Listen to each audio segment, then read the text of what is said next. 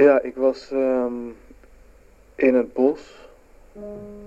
Ehm, ik had een soort, eh, een soort legerpak aan.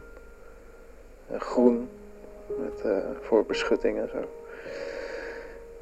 En elke vijf seconden hoorde ik een piep. Een soort piep. Piep. Zoiets ging dat dan. Ehm, ik, ik heb altijd al wel een fascinatie gehad voor dromen. Eigenlijk vooral omdat het een soort eh, gateway is naar je, naar je onderbewuste.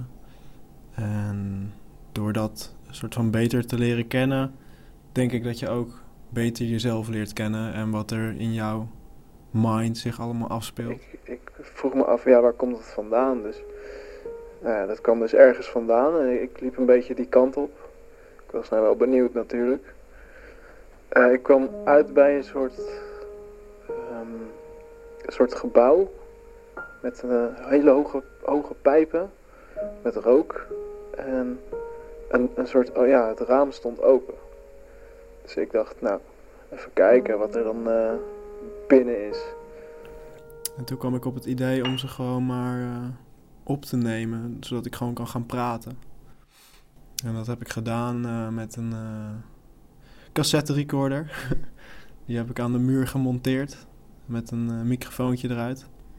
En als ik dan ontwaak uit mijn droom, dan kan ik meteen op record drukken. En dan hoef ik alleen maar te praten in principe. Um, binnen zaten een stuk of acht Eskimo's. Zaten te kaarten met elkaar.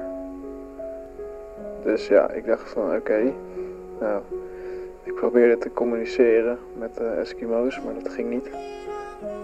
Want ja, het waren Eskimo's. en vervolgens ging ik weer naar buiten om, om toch maar weer op avontuur te gaan. En het is grappig, want als jij uh, je droom hebt opgenomen, dan weet jij de volgende dag echt niet meer wat je, wat je hebt opgenomen. En als je dan weer dat terugluistert, dan denk je, hè, is dit echt gebeurd? Of hè, heb ik dat echt meegemaakt? En dan komen er langzaam weer kleine stukjes bij, soms ook wel. Ja, na een tijdje wist ik gewoon niet meer waar ik was. En toen verdwaalde ik eigenlijk, uh, totdat ik wakker werd. Toen was ik weer thuis. Nou, lekker.